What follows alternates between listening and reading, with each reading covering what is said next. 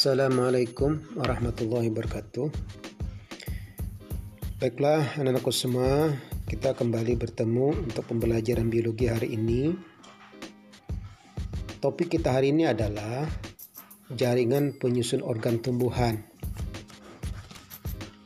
Sedangkan tujuan pembelajaran kita hari ini adalah pertama, agar kalian dapat mengidentifikasi jaringan penyusun akar, jaringan penyusun batang, dan jaringan penyusun daun. Yang kedua, agar kalian dapat menganalisis keterkaitan hubungan antara struktur sel pada jaringan tumbuhan dengan fungsi organ. Nah, baiklah siswa semuanya. Sebelum saya mengantarkan pembelajaran hari ini, terlebih dulu perlu saya sampaikan bahwa coba kalian buka buku paket halaman 41 sampai dengan halaman 48. Eh 49 maksud saya. Jadi 41 sampai 49. Nah, sedangkan untuk tugas umpan balik itu bisa kalian buka halaman 49 itu mengenai cermati kembali. Ya. Nah sekarang nanti untuk menjawab soal nomor 2 dan nomor 3 pada bagian tugas cermati kembali perbedaan itu kamu tuangkan dalam bentuk tabel. Ya begitu juga dengan perbedaan jaringan pada mesofil itu. Jadi kamu bentuk buat tabel. Jadi misalnya akar ya, struktur akar. Perbedaan struktur akar dikotil dan monokotil. Nanti kamu buat tabel itu. Pertama, kolom aspek. Aspek pembeda apa? Kemudian kolom kedua, jaringan penyusun akar monokotil bagaimana? Kolom ketiga, jaringan akar dikotil. Ya jadi saya ulangi. Untuk menjawab soal tentang perbedaan seperti pada soal nomor 2 dan nomor 3 pada bagian cermati kembali itu harus kamu tuangkan dalam bentuk tabel ya. Supaya mudah nanti melihat perbedaan itu. Jadi contoh misalnya perbedaan struktur akar monokotil dan dikotil. Nah nanti kamu buat kolomnya atau tabelnya minimal ada tiga kolom itu. Kolom yang pertama aspek pembeda, ya aspek pembeda atau aspek yang diamati. Nah, kolom kedua jaringan penyusun monokotil Kemudian kolom ketiganya adalah jaringan penyusun dikotil. Nah, jadi itu ya. Nah, yang saya maksud aspek pembeda itu begini, misalnya akar tadi. Untuk bagian akar itu ada bagian jaringan epidermis. Nah, sekarang epidermis monokotil jaringannya bagaimana? Penyusunnya, kemudian epidermis akar dikotil bagaimana penyusunnya, ya. Nah, jadi yang saya maksud begitu. Begitu juga dengan batang. Ya, jadi membedakan batang monokotil dan dikotil juga H3 tiga kolom tabelnya. Jadi ada aspek pembeda kolom pertama, kolom kedua jaringan penyusun batang monokotil, Kolom ketiga, jaringan penyusun batang dikotil. Begitu juga dengan daun sama. Di tabelnya ada tiga kolom, aspek pembeda, kemudian jaringan penyusun daun monokotil, dan kolom ketiga jaringan penyusun daun dikotil. Ya, jadi sekali lagi, setiap soal perbedaan maka kamu tuangkan menjawabnya dengan dalam bentuk tabel ya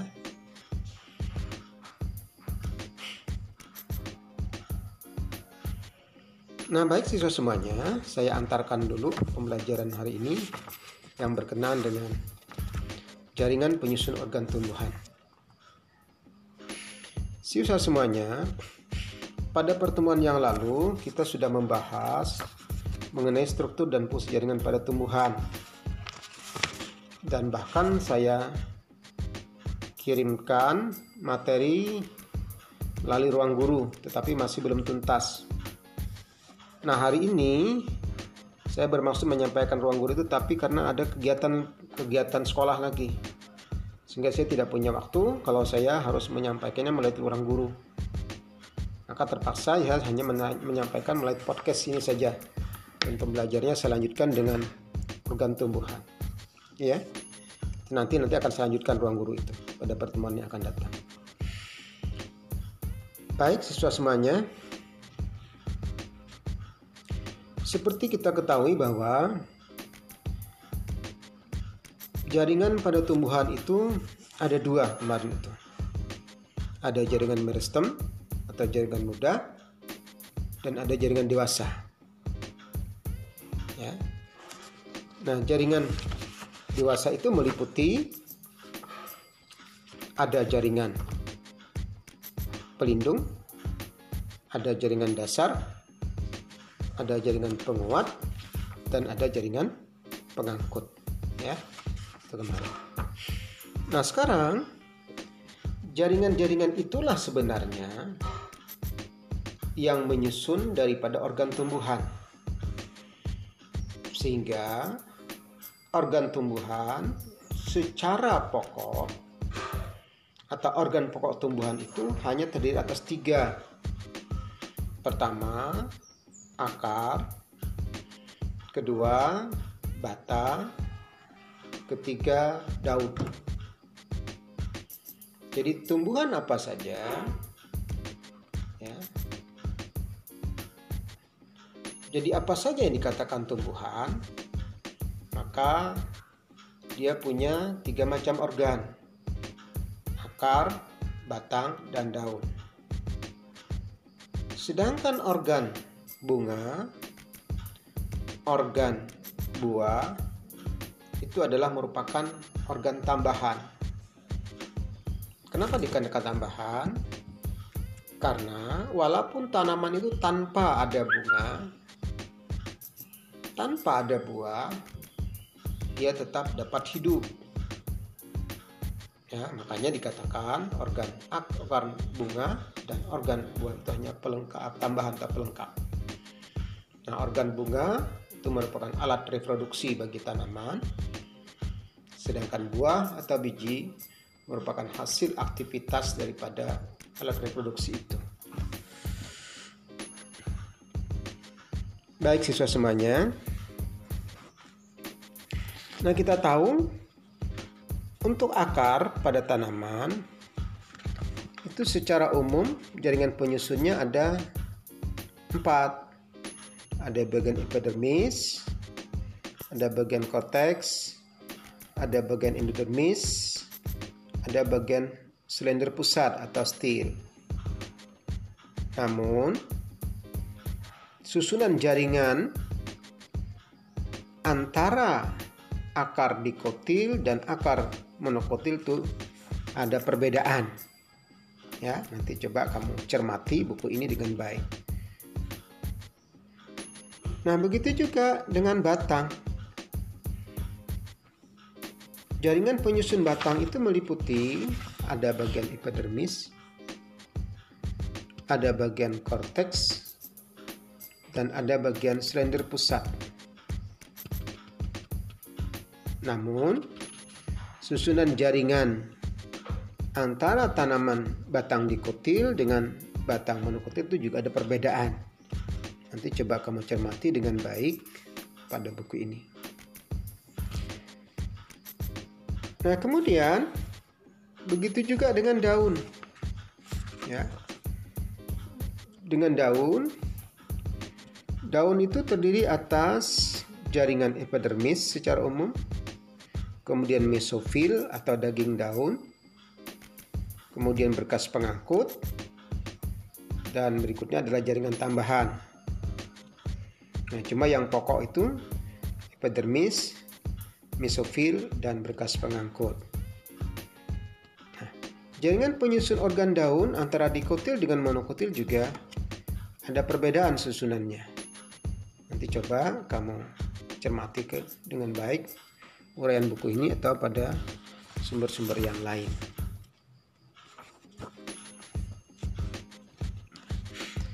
Kemudian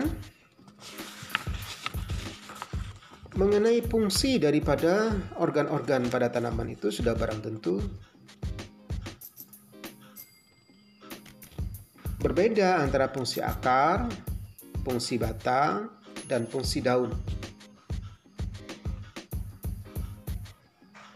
Ya. Untuk akar, fungsinya secara umum itu ada tiga. Pertama, menyerap air dan unsur hara yang ada dalam tanah. Jadi unsur hara itu adalah merupakan mineral mineral ya. Jadi ada unsur makro, unsur mikro gitu.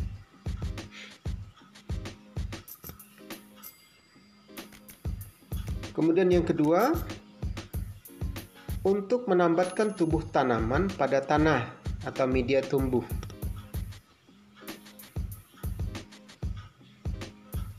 Dan yang ketiga, pada beberapa tanaman tertentu digunakan sebagai tempat penyimpanan makanan cadangan.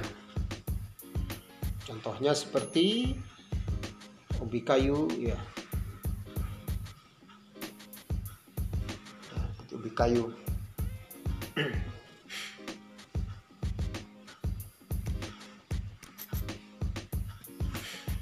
Nah, kemudian batang Batang fungsinya juga secara umum ada tiga. Pertama, penghubung dalam pengangkutan air dan unsur hara dari akar menuju daun. Serta tempat pengangkutan hasil fotosintesis dari daun ke seluruh tubuh. Kedua, tempat tumbuhnya daun dan organ-organ generatif seperti bunga dan buah. Yang ketiga, sebagai tempat penyimpanan makanan cadangan misalnya tebu dan sagu. Terakhir, untuk fungsi daun, itu juga ada tiga, terutama sebagai tempat fotosintesis untuk membuat makanan bagi tanaman. Kedua, sebagai tempat terjadinya respirasi. Dan ketiga, sebagai tempat pengeluaran air melalui transpirasi dan gutasi. Nah, kalau transpirasi itu adalah penguapan yang biasa terjadi pada tanaman. Sedangkan gutasi itu adalah keluarnya air menetes pada tepi-tepi daun. Biasanya terjadi pada saat udara sangat jenuh dengan uap air.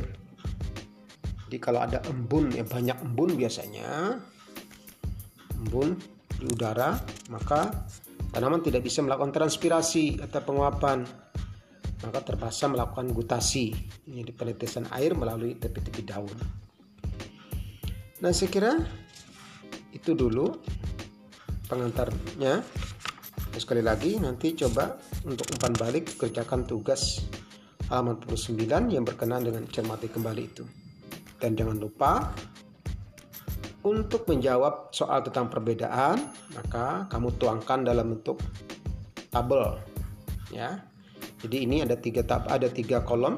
Kolom tentang aspek pembeda, kedua tentang organ akar, batang, dan daun dikotil. Kemudian kolom ketiga akar, batang, dan daun dikotil. Nah, saya kira itu saja dulu pengantar pembelajaran ini. Mohon maaf kalau ada hal-hal yang tidak berkenan dan mohon maaf juga pada minggu yang lalu saya tidak bisa menyampaikan pelajaran karena ada pertemuan kegiatan sehingga saya tidak sempat untuk menyampaikan pelajaran. Nah ini dulu ya.